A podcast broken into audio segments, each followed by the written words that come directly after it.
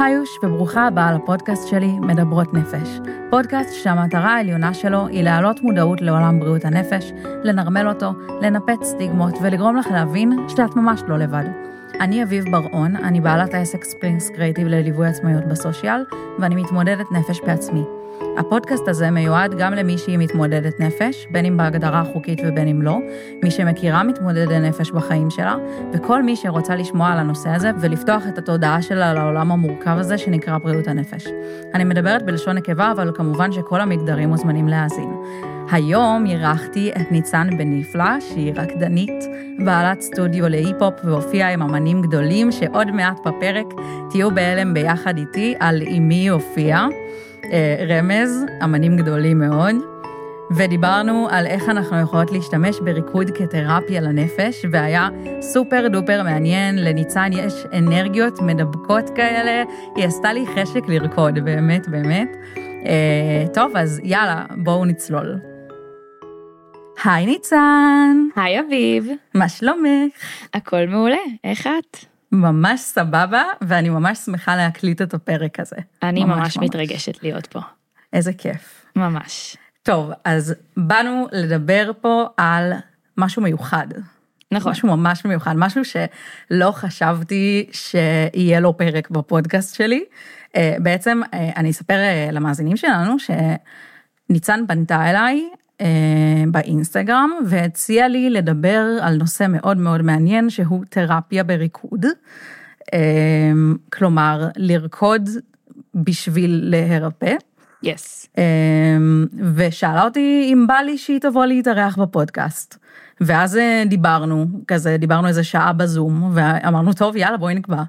והנה אנחנו כאן מקליטות את הפרק הזה והולך להיות סופר מעניין. איזה כיף, אני ממש מתרגשת שתדעי. אמ, אז כן, אני היום סופר צרודה למען האמת, כי עברתי מלא שיעורים אתמול, אה, אבל יש לי פה תה ואנחנו, והכל יהיה מושלם. יהיה מושלם. יס. Yes.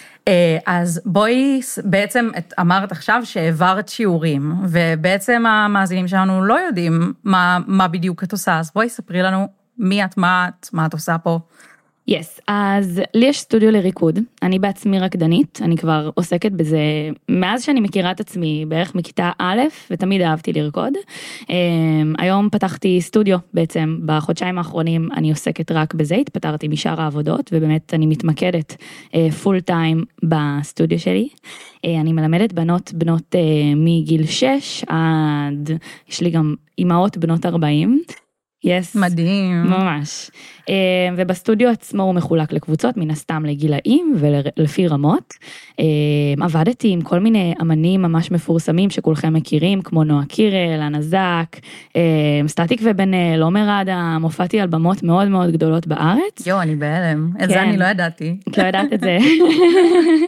יס, yes, אז היה לי המון המון פרויקטים מגניבים שעשיתי. במהלך אה, חיי כרקדנית, אה, שזה עדיין, כן, אני לעולם לא אפסיק. אה, אני מקווה לפחות, אבל כרגע באמת הפוקוס שלי הוא על להעביר ממה שאני יודעת הלאה ולפתח בעצם את הדור הצעיר, שזה משהו שהוא מאוד ככה נוגע לליבי, כי גם אני הייתי בסופו של דבר תלמידה בגילאים של הבנות האלה. מדהים. ובעצם עכשיו, עכשיו אנחנו יודעות מי את, ואנחנו יודעות מי אני, כי אני מעבירה את הפודקאסט הזה, והפודקאסט הוא מדברות נפש, אז באנו גם לדבר על נפש, אז בואי תסבירי מה, איך את, איך את, איפה את נמצאת בתוך עולם בריאות הנפש. אה, אני עברתי הרבה עליות וירידות בחיים אה, עם הנושא הזה של בריאות הנפש, כי בגיל צעיר לא היה לי איזשהו עוגן. שבאמת יחזיק אותי אחרי דברים שעברתי, כמו גירושים של ההורים שלי וכל מיני דברים אה, שקרו בילדות ובתי ספר, ש... שעברתי שלושה בתי ספר אה, והרבה דברים שאולי בחלק מהם ניגע, ניגע היום. אה, והריקוד היה אצלי עוגן לדבר הזה.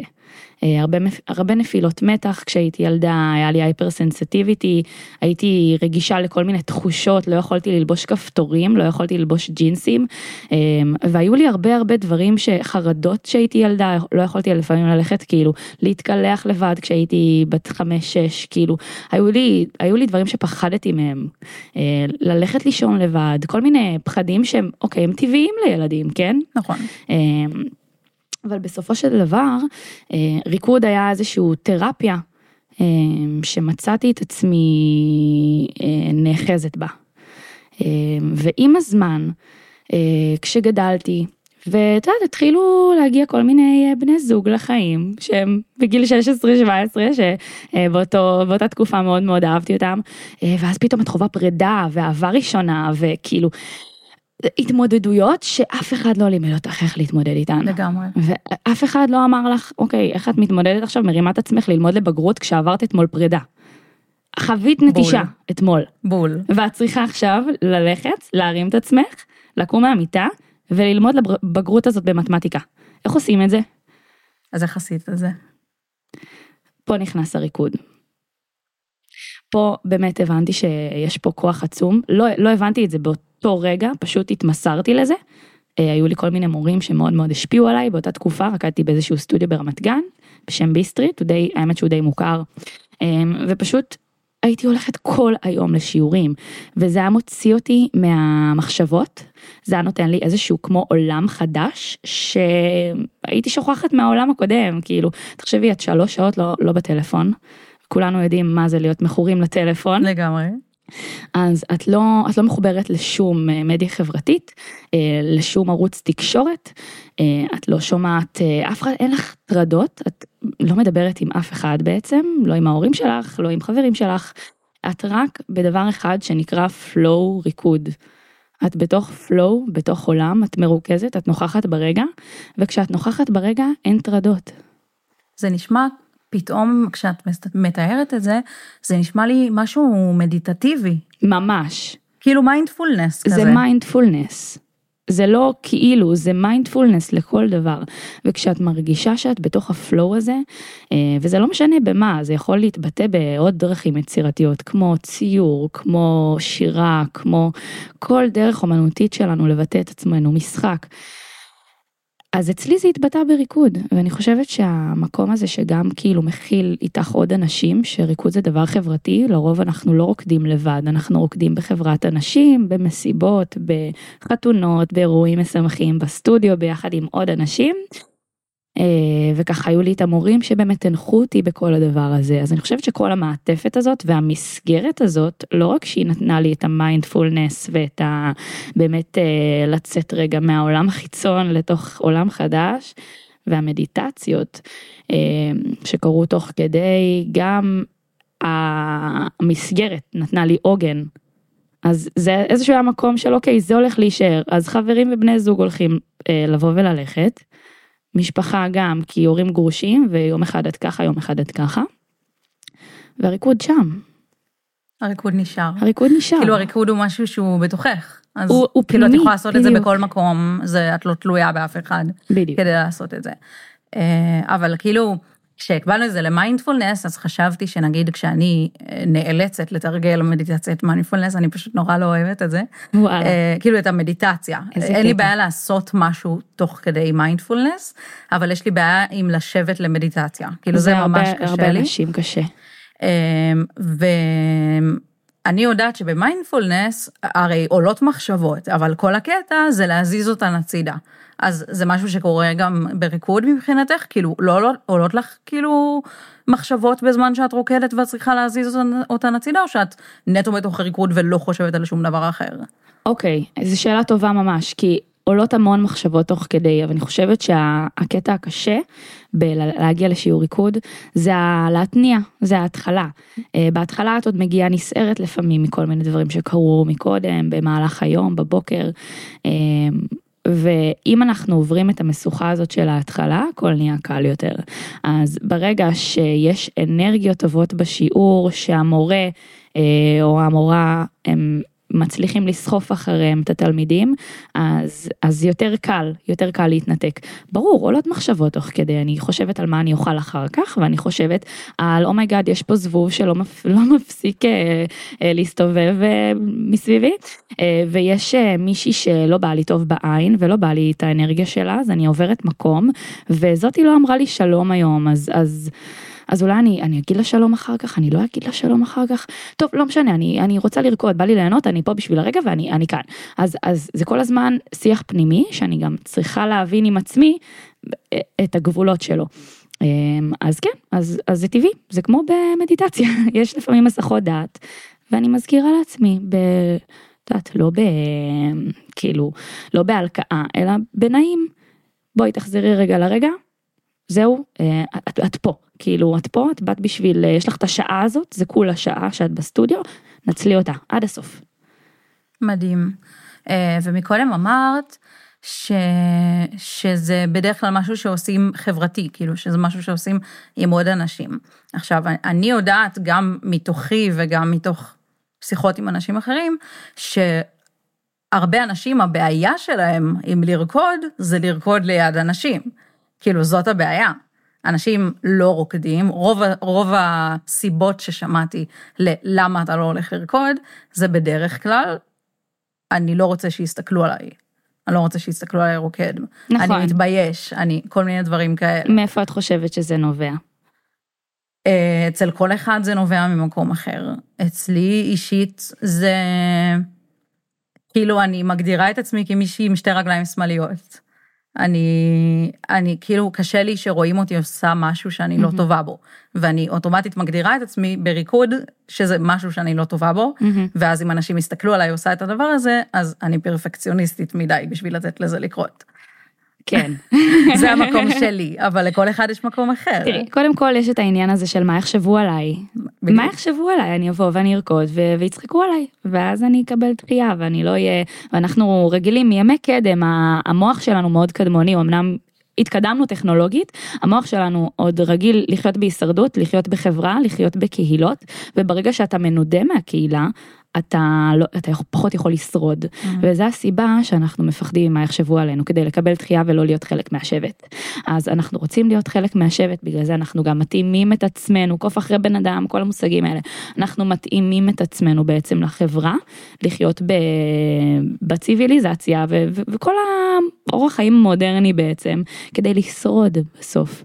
אז אנחנו יודעים שכדי לשרוד אנחנו צריכים להיות מקובלים על ידי החברה.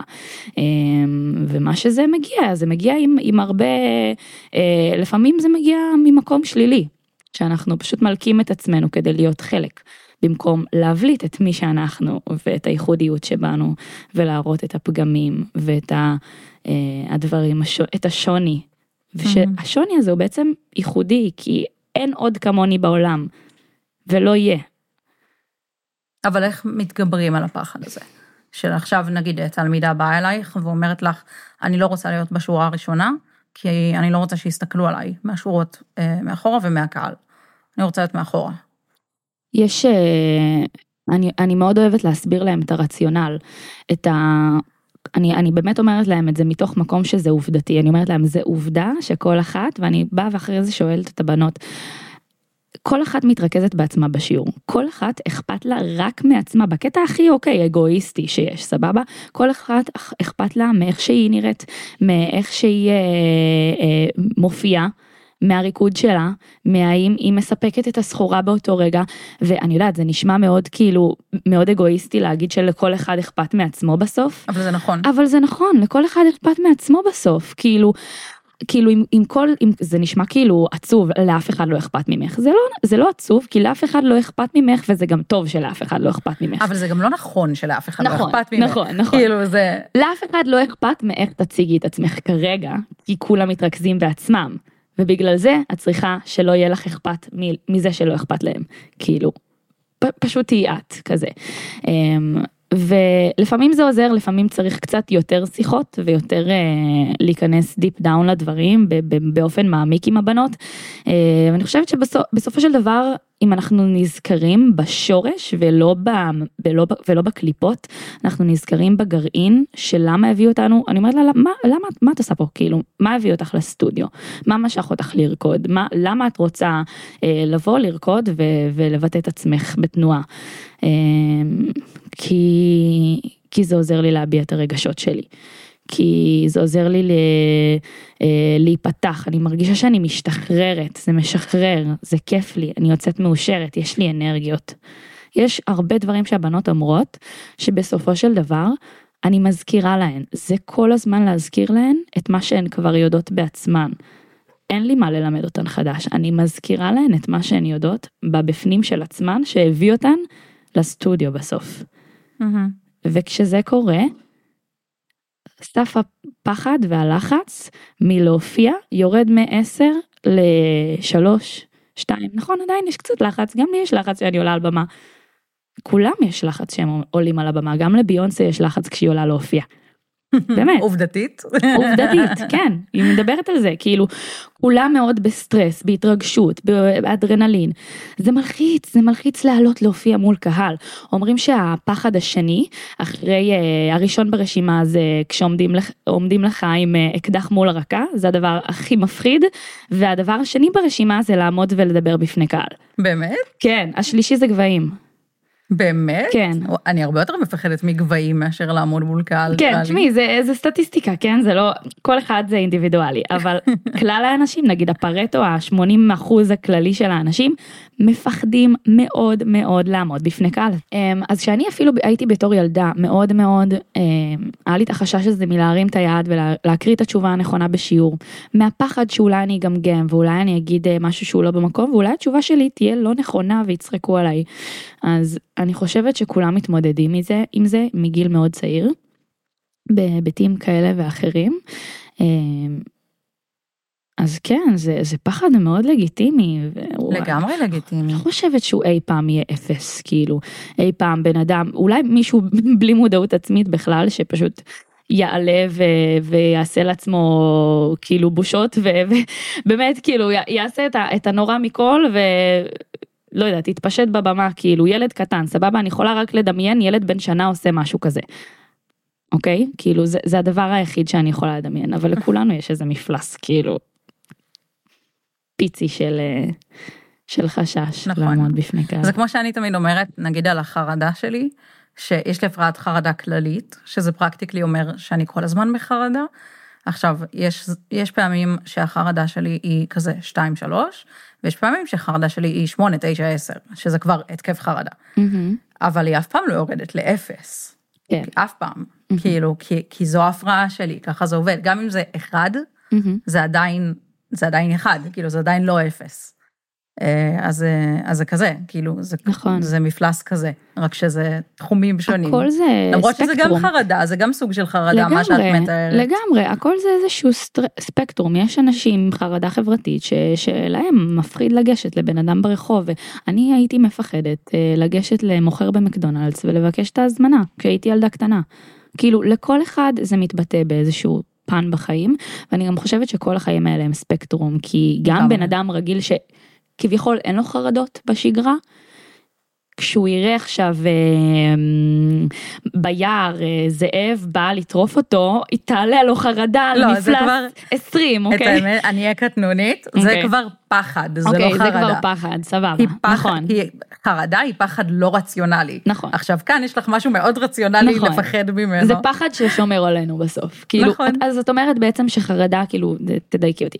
את אומרת בעצם שחרדה זה פחד לא רציונלי, ופ, ו, ופחד כאילו כשלעצמו אה, זה משהו ממשי שבאמת יכול להתממש ולקרות כן, ולפגוע רגש, בנו. זה רגש, פחד זה רגש שעולה לנו כשמשהו ליטרלי מאיים עלינו, כאילו כשיש סכנה לחיים שלנו, סכנה לחיים של אחרים, כל מיני דברים כאלה, וחרדה זה פחד כשאין באמת בעולם הפיזי משהו שמאיים על החיים שלנו, או אמור לגרום לנו לפחד, כמו למשל, לגשת למוכר במקדונלדס, כמו שאמרת, הוא כאילו רציונלית, הוא לא הולך לעשות לך כלום.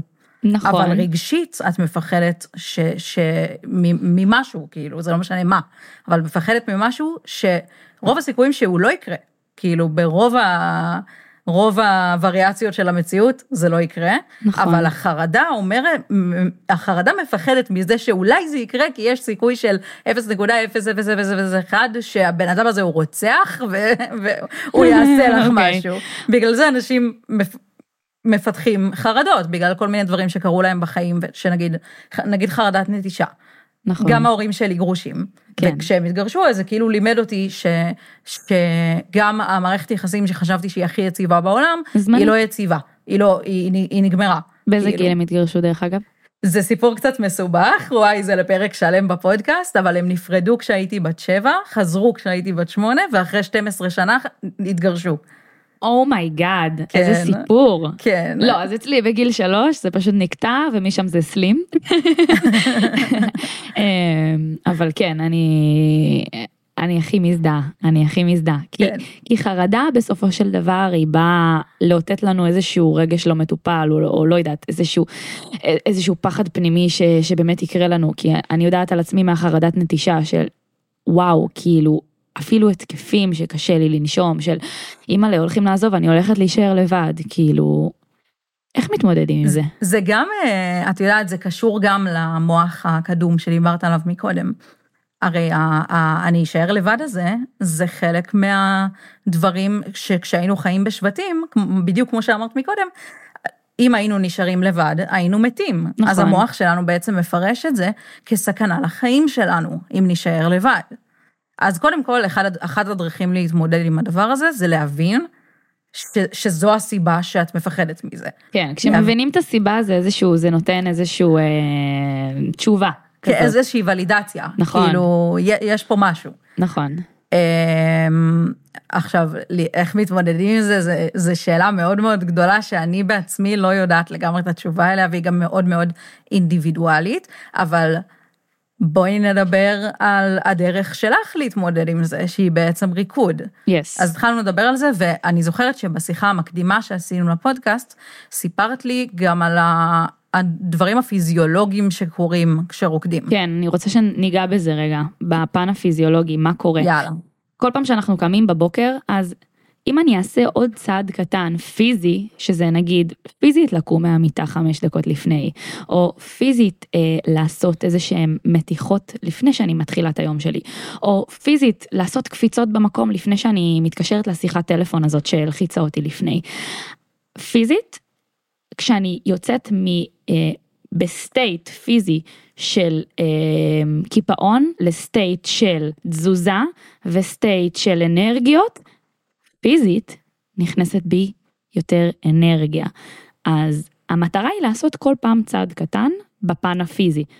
עכשיו, ברגע שאני נכנסת לסטודיו ו...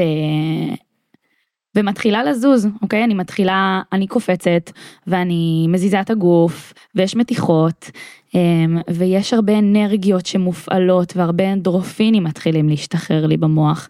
הרבה הורמונים שאחראים בעצם על, על אושר. זה הורמוני, הורמ, הורמונים שמגבירים אושר. עכשיו אני חושבת באופן אישי שאני מכורה לאדרנלין, כאילו אני, אני חושבת שאני מכורה להורמון הזה, שזה גם צריך לאזן את זה. אני מאוד מאוד אוהבת אנרגיות גבוהות ולהיות בשיעורים עם שירים מקפיצים. מכירה את זה שאת שמה שיר שאת ממש אוהבת באוזניות והלב מתחיל לרטוט וכל הגוף בדיוק. מתחיל להיות כאילו מחושמל מהשיר הזה ו, ופשוט נהיה לך טוב על הלב, כאילו השיר הזה מרפא, עושה לך משהו. ואת אשכרה עושה עם זה משהו, את אשכרה קמה ומתחילה נכון, לרקוד. נכון. זה ההבדל כאילו ביני ובינך. אני כאילו שומעת מוזיקה, אה, אז נגיד, אני מתחילה לשיר, כשאני שומעת שיר שאני ממש ממש אוהבת, והוא עושה לי באמת את התחושה הזאת, אז אני שרה. כן. אני לא יכולה שלא, כאילו אני ממש לא יכולה שלא. Yes, נכון, זה, זה מתבטא בלתי. נשלט. אני, בגלל זה אני אומרת, כאילו, "א- איך אפשר שלא? כאילו, זה משהו שהוא בלתי נשלט, לפחות אצלי. אני יכולה פשוט באמצע חנות רהיטים, או באמצע סופר, לשמוע שיר, כאילו, ברקע, ופשוט להתחיל לרקוד. במ- במכון, כאילו, אנשים מסתכלים עליי, מי זאת המוזרה הזאת? כאילו, מה היא רוצה עכשיו? מה היא רוקדת? כאילו, באמצע האימון, מה יש לה? והיום כבר באמת הגעתי למצב שלא אכפת לי, כאילו, לא אכפת לי בכלל. איך התגברת על זה? ה, על מה יחשבו עליי, מסתכלים עליי? כי זה fucking גורם לי להרגיש טוב, כאילו, אני מרגישה טוב כשאני רוקדת, משתחררים לי הורמונים של, של אושר, של שמחה, של אהבה, של וואו, של כיף. אז האדרנלין הזה בסופו של דבר מפיץ אור בעולם, הוא עושה טוב בסוף, אני מפיצה אותו החוצה, אני משפיעה על אנשים ככה, אז למה שאני לא אעשה אותו יותר? אז הוא יחשוב, אז הבן אדם הזה עם התמונת פרופיל אה, בטיק טוק אה, של אה, קוף, בלי שם, כשקוראים לו user 123, יכתוב לי, יא מביכה, מה את רוקדת ברחוב? אז הוא יגרום לי להפסיק את כל השרשור אושר ואור והשפעה טובה על העולם. אז, אז הוא יעשה את זה, או הבן אדם הזה ברחוב שיסתכל עליי מוזר ויצעק לי, אה, איזה מביכה את. הוא. זה קרה לך? כן. ובאותו רגע היה לך אכפת? או שזה כבר היה בשלב של לא אכפת לי מכלום? בהתחלה כן, בהתחלה היה אכפת לי. בהתחלה התגובות ה... הלא נעימות האלה היו, אה, היו קצת צובטות. הייתי אומרת, מה, אז אולי אני אפסיק, אולי אני לא, לא אמשיך עם זה. אבל את יש לך קול בראש שמזכיר לך למה התחלת מלכתחילה. כי אם התחלת מלכתחילה את הדבר הזה, אז, אז היה איזשהו רוץ, כאילו היה איזשהו שורש לזה. אה, וכשמזכירים, כשאנחנו מזכירים לעצמנו את הסיבה של למה אנחנו עושים את מה שאנחנו עושים, כשיש לי למה חזק, שום אה, איך לא יוכל לעצור אותי בדרך. וואי, זה מטורף. כאילו את מדברת, ואני חושבת, זה בדיוק הדברים שאני אומרת ללקוחות שלי, כאילו, בעבודה שלי כמשווקת. די, איזה קטע. למצוא את הלמה שלך, כאילו, למצוא שברגע שיש את ה... את התשוקה ומוצאים את מקור התשוקה ומתוכו משווקים, אז לשווק זה לא מטלה. כאילו זה בדיוק, וואי, בדיוק המסרים השיווקים שלי, כאילו תקשיבי, זה... זה בול גם בריקוד, כאילו את יודעת שהלמה הזה הוא כל כך משפיע טוב, אחרי זה את נהיית מאושרת בעצמך, את ממשיכה את היום וכיף לך, היום משתדרג, אני שאלתי את הבנות אתמול, כאילו בשיעור, תגידו למה אתן פה? ואומרות לי זה משדרג לי את החיים, ריקוד. וואו. אבל כמו שאמרת מקודם, לפעמים אנחנו צריכים מישהו חיצוני שיזכיר לנו את מה שאנחנו יודעים בפנים, את הלמה שלנו. נכון. אז איך את, איך את זוכרת את הלמה שלך מבלי שיזכירו לך אותו מבחוץ? איך אני זוכרת את הלמה שלי? הייתי צריכה הרבה פעמים שיזכירו לי אותו מבחוץ לפני שהוא היה מושרש בתוכי. זה כל הקלישאות בסוף יש בהן משהו נכון, כל ה-fake it until you make it, אז בהתחלה זייפתי את זה, והייתי צריכה מיקור חוץ, והייתי צריכה מורים, ומנטורים, ואולי אה, טיפולים פסיכולוגיים שהייתי הולכת תקופה, אה, יכול להיות שזה גם עזר, אה, ואנשים ביוטיוב, הייתי עוקבת אחרי כל מיני משפיענים וערוצי יוטיוב שמדברים על למצוא את הלמה ולקום מוקדם בבוקר ולהשיג מטרות והיו היו מזכירים לי את זה בכל מיני אה, וריאציות בחיים, הייתי הופכת ממש את הסביבה הווירטואלית שלי לסביבה תומכת בלמה הזה, אבל זה באמת מתוך המקום שהבנתי למה אני צריכה את ה... להזכיר לעצמי למה. אה, אז ברגע שאנחנו מודעים, אז המודעות, אני חושבת שהמודעות היא, היא גורם פה שמשחק תפקיד. ברגע שאני מודעת לזה, אני אייצר לעצמי סביבה שתומכת בזה. כי אם אני לא מודעת לזה שאני צריכה למה חזק כדי להמשיך בעשייה שלי ולהתעלם מהרעשי רקע והאנשים שצוחקים או לועגים, אז אם אני לא מודעת, אני לא, לא אעשה את זה. לא אייצר לעצמי סביבה שתומכת בזה, אה, שזה פקטור מאוד חשוב, כי בסופו של דבר הסביבה שלנו הופכת להיות מי שאנחנו. אנחנו הופכים להיות, סליחה, מי ש... אנחנו הופכים להיות כמו הסביבה שלנו. לא סתם יש את המשפט הזה של אנחנו הממוצע של אה, חמשת האנשים שהכי קרובים אלינו. וואלה, אני לא כן, מכירה את זה. אז יש משפט כזה שאני אה, חושבת שהוא נכון באיזשהו מקום. אז אני רוצה להיות ממוצע של סביבה שמזכירה לי למה אני צריכה להתעלם מתגובות רעות. ולהמשיך בעשייה שלי שעושה טוב בסוף. Mm-hmm. אז נתמצת שנייה למאזינים ומאזינות שלנו, שבעצם על כל דבר, זה תקף על כל דבר שאתם רוצים לעשות, אמ, תמיד תחשבו למה אתן עושות את זה. אני מדברת על זה בימים האחרונים באינסטגרם שלי, ש... אנחנו צריכים סיבה טובה לקום בבוקר. ממש. ויש אנשים שחושבים שלקום בבוקר ולהרוויח כסף, זו, זו סיבה מספיק טובה. יש לי הרבה מה להגיד על לא. זה, וזה נושא שלם, אבל נושא אני שלם. לא, עשיתי גם סקר, והרוב הסכימו איתי שהבן אדם לא יחזיק הרבה זמן כבעל עסק, לא. כשהסיבה שלו לקום כל בוקר היא להרוויח כסף.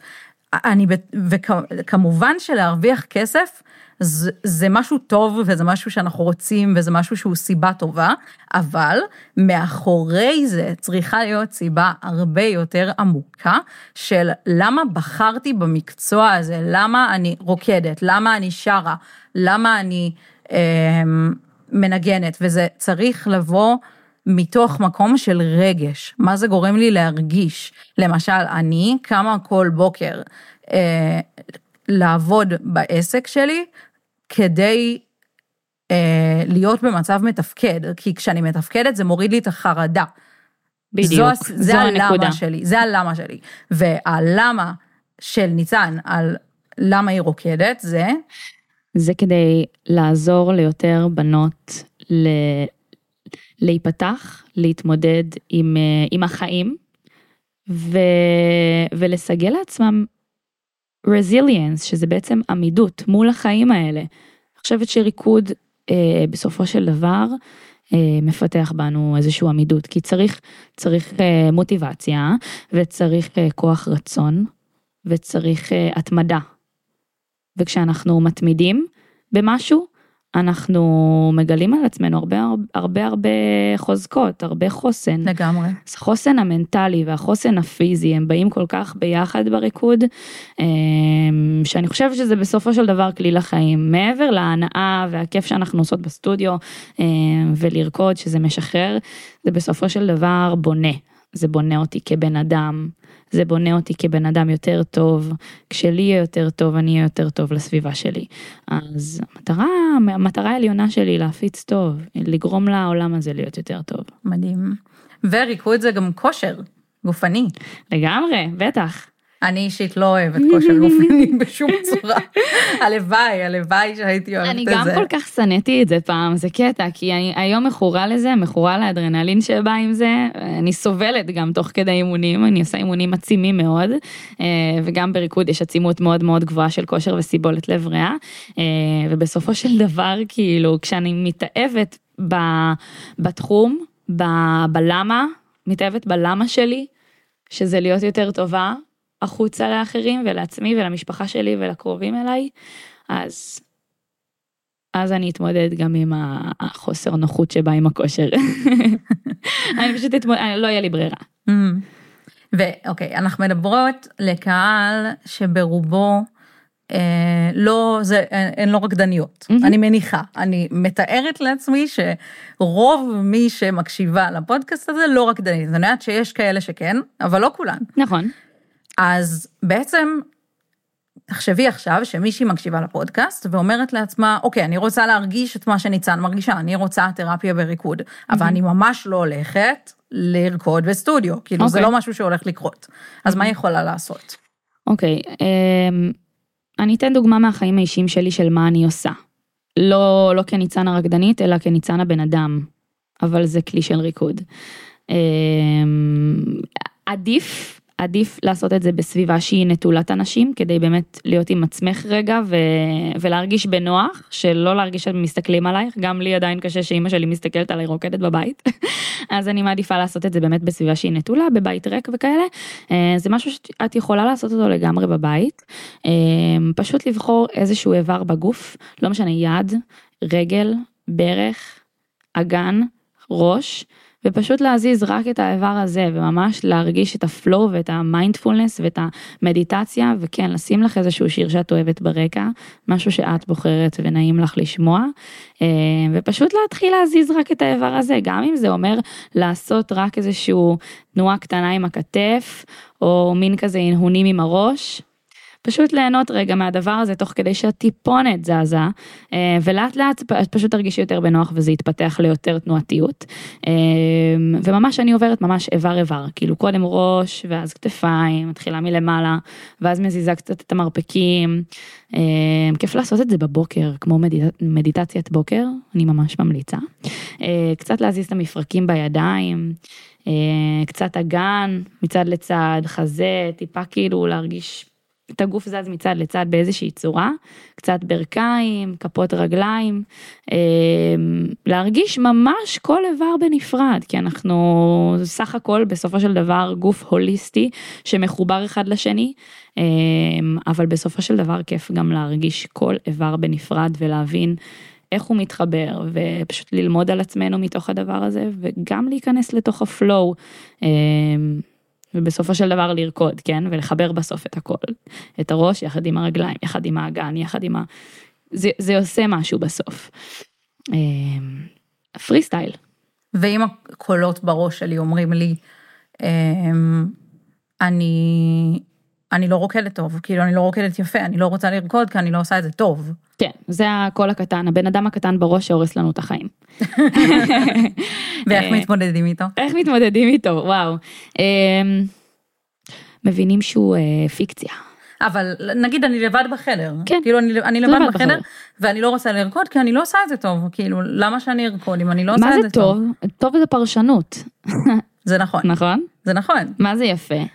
מה, מה זה להיות... אה, נגיד אני אומרת, זה לא, אני לא רוקדת יפה בעיניי, אז איך, איך אני בכל זאת עושה את התנועה הראשונה כדי להיכנס לפלואו הזה? פשוט לכבות את האור בחדר, את לא רואה את עצמך ואת אפילו לא יכולה לראות את עצמך דרך מראה, וכל המהות זה נטו להרגיש את הגוף זז, בלי, בלי להסתכל על זה. כל מה שאת מתמקדת בו זה, ב, זה בתנועה וברגש. אין פה שום ויזואליזציה. זה מרגיש טוב.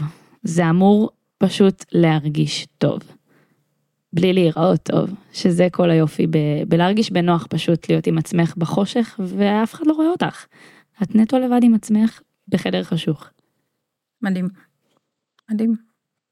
יס. Yes. זה תמיד מזכיר לי את זה שבסטודיו יש תמיד את הריקודים שנראים טוב ואת הריקודים שמרגישים טוב. עכשיו, לפעמים גם הריקודים שמרגישים טוב, הם מרגישים כל כך טוב, אבל זה לא נראה טוב לבחוץ. אני רוקדת וזה מרגיש טוב, אני מוציאה את הנשמה שלי החוצה, אבל ויזואלית זה לא אסתטי. אבל זה אמיתי. זה, יש משהו נורא מקסים בזה.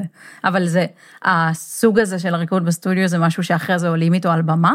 או שזה בשביל כן, התרגול? כן, אפשר לעלות איתו על במה. אפשר לעלות איתו על במה.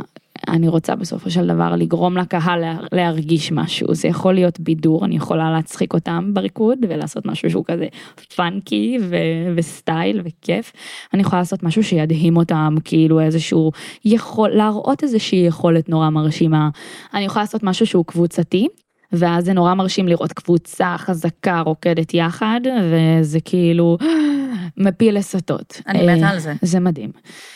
חזק עוצמתי ברמות, כאילו, יש שם מלא אנרגיות ומלא כוח, וכן, אני יכולה גם להביא את, ה, את הריקוד הפגיע יותר, הרגיש, להביא איזשהו שיר שהוא אה, יותר מרגש, ו, ולרקוד על זה, והקהל יבכה, הקהל יזדהה, כל אחד מספר, זה אומנות, ריקוד, כל אחד מספר לעצמו סיפור. לגמרי. סיפור לגמרי. אחר. אז זה ממש כמו לעסוק, כאילו יש אנשים ששרים, יש אנשים שמנגנים, יש אנשים שרוקדים, כאילו, וכל אחד מביע בעצם את עצמו, זה גם חלק מהתרפיה. כאילו, זה גם החלק הפיזיולוגי, שדיברנו עליו מקודם, של ההורמונים שמשתחררים במוח, זה גם ההתבטאות, הביטוי נכון. של עצמנו החוצה. נכון, שהוא ללא מילים, שהוא רק על ידי תנועה, זה פשוט שפה ללא מילים. זה גם האנרגיה של התנועה, של אמרנו שאם אני אה, קפואה, ואז אני עושה איזושהי תנועה, אז פתאום כאילו מתחילים לזוז שם דברים. אה, רציתי להגיד משהו מקודם ששכחתי ונזכרתי, אה, וזה היה בהקשר של אה, לזוז בבוקר, ואמרת משהו על לשקשק את עצמנו לפני שאנחנו עושים משהו, או לפני שיחת טלפון, זה גם. לקפוץ. זה גם הזכיר לי, זהו, לפני שיחת טלפון, אז זה הזכיר לי שאני, לפני שאני מדברת למצלמה למשל, שאני מכינה ריל לאינסטגרם או משהו כזה, אני, אני כזה מתנערת, כאילו אני, וזה גם טיפ שאני נותנת ללקוחות שלי, כאילו, מעולה. לזוז, זה מעולה. כדי להשתחרר מהפחד ל, ל, לדבר למצלמה. וואו, אז זה גם עוד איזשהו טיפ ככה על הדרך. וואו, זה אדיר, תקשיבו, זה משחרר בטירוף, גם לפני פגישה חשובה, גם לפני אה, ראיון עבודה, להשתחרר פיזית, לשחרר את, את הגוף, הקיפאון, את את- הקיפאון, את הסטרס, הכל, להוציא את זה, ממש לנער את זה. זה ממש פיזית מוציא מאיתנו החוצה, כאילו, את ה... את, ה, את הקיפאון, כאילו, כאילו את- כשרוצים את לי. להתנער ממשהו, אז נכון. literally להתנער ממנו. literally להתנער ממנו. רוצה להתנער מהפחד, literally להתנער. וואי, זה מדויק. טוב, אז אה, לסיכום, yes. מה עוד יש לך להגיד לנו? תני לנו איזה טיפ. וואו, באמת אה, יש כל כך הרבה מה להוסיף, כי הנושא הזה הוא כל כך רחב. אה, אני חושבת שאני אתן- פה שני טיפים. טוב, אז הטיפ הראשון בעצם יהיה אה, לשים אוזניות עם שיר שאנחנו מאוד מאוד אוהבים. אה, שיר קצבי, משהו ש, שמרטיט לנו באמת את הלב, את הגוף, כאילו נוגע לנו בנשמה, אה, ופשוט, ופשוט לראות מה זה גורם לנו. פשוט להתחיל להזיז אולי רק את הכתף, רק את הרגל, משהו קטן בגוף. זה יכול להיות מאוד מינימליסטי, אה, אבל העניין הוא פשוט להתחיל. הצעד הראשון הזה שעשינו למען הדבר הזה, שזה באמת רק להזיז איבר אחד, כבר יעשה אימפקט מאוד משמעותי על אם נמשיך לזוז, כשכיף לנו לשמוע את השיר. יס, yes, אז זה, זה ממש חשוב, כאילו פשוט לשים מוזיקה שאנחנו אוהבים, להתחיל לרקוד קצת, אה, או אפילו לא, לא לרקוד, אלא רק לשמוע את השיר ו... ותראו, תראו מה זה יגרום לכם. יכול להיות שזה, שזה יגרום לכם לזוז. והטיפ השני בעצם יהיה להזכיר לעצמנו את הלמה כל הזמן.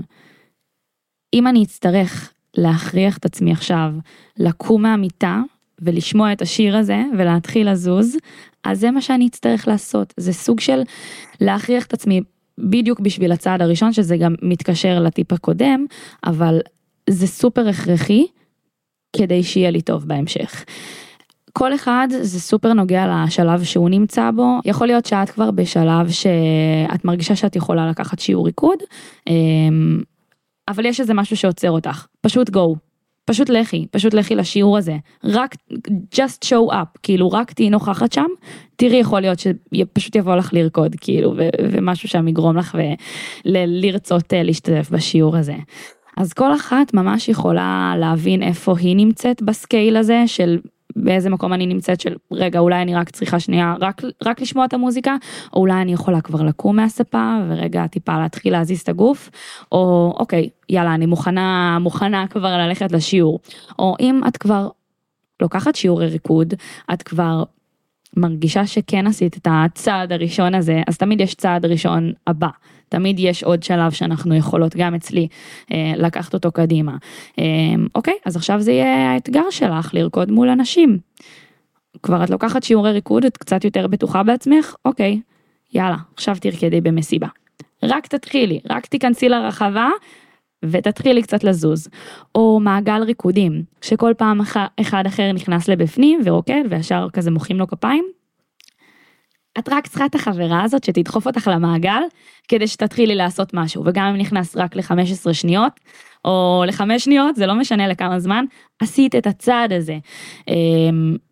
אז אני חושבת שלהכריח את עצמי בהתחלה כי, כי אני פשוט צריכה לעשות את זה ואני נזכרת בלמה שזה גורם לי אחר כך להרגיש טוב ולסובבים אותי ואני מפיצה יותר טוב בעולם או כל אחת שתזכיר לעצמה את הלמה שלה.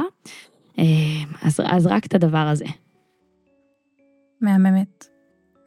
אז איפה אנחנו מוצאות אותך, אם אנחנו רוצות, אה, לא יודעת, לדבר איתך, או לעקוב אחרייך, או אה, ליצור איתך קשר באיזושהי צורה? אז אפשר למצוא אותי באינסטגרם, זה ניץ, N-I-T-Z-Z-Z-S, ובטיק טוק ניצן בנפלא.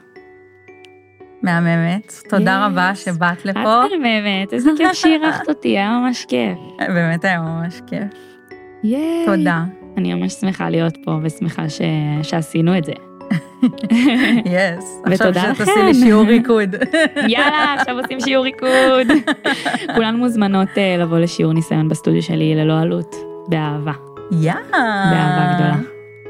מגניב. יס. אז יש לכם פה הטבה מניצן, אני אכתוב הכל Yes. בפרטים של הפודקאסט, אה, וזהו. מושלם. טוב, אמרתי לכם שלניצן יש אנרגיות מדבקות. אמ, וואו, זה היה פרק מה זה מעניין, ופשוט היה לי ממש כיף להקליט את הפרק הזה. אני וניצן אה, התחברנו נורא נורא בקלות, נורא נורא מהר, ו, אמ, וכמו שאמרתי, האנרגיות שלה ממש מדבקות, אז עשה לי ממש טוב להקליט איתה את הפרק. אני מקווה שלקחתן אה, משהו מהפרק הזה, אני מקווה שנתרמתן, אני מקווה שתיקחו אולי את הטיפים של ניצן אה, ותיישמו אותם, ואולי זה יעזור. אה, ואם נהנתן מהפרק, אם נתרמתן ממנו, אני ממש ממש אשמח אם תשתפו אותו. אולי תצלמו מסך שאתן מקשיבות לפרק ותעלו לסטורי, אולי תשלחו את הפרק לחברים, חברות, משפחה, כל מי שיכול להתערם מהפרק הזה, אני ממש אשמח שזה יגיע אליו. זו בגדול המטרה של הפודקאסט הזה, לעזור לאנשים אחרים. ניצן כבר אמרה את השם משתמש שלה באינסטגרם, אבל אני בכל זאת אשים לינק בתיאור הפרק. אה, אז מי שרוצה לעקוב אחרי ניצן, ככה להגיע לסטודיו שלה, או, או אפילו רק לעקוב, אה, אתן מוזמנות, יש לינק בתיאור הפרק. אה, אז תודה רבה לניצן המדהימה שהתארחה אצלי בפרק, תודה רבה לרוני גלפנד על הסאונד ועל הפתיח המהמם, תודה רבה לכן שהאזנתן, ואנחנו נתראה בפרק הבא.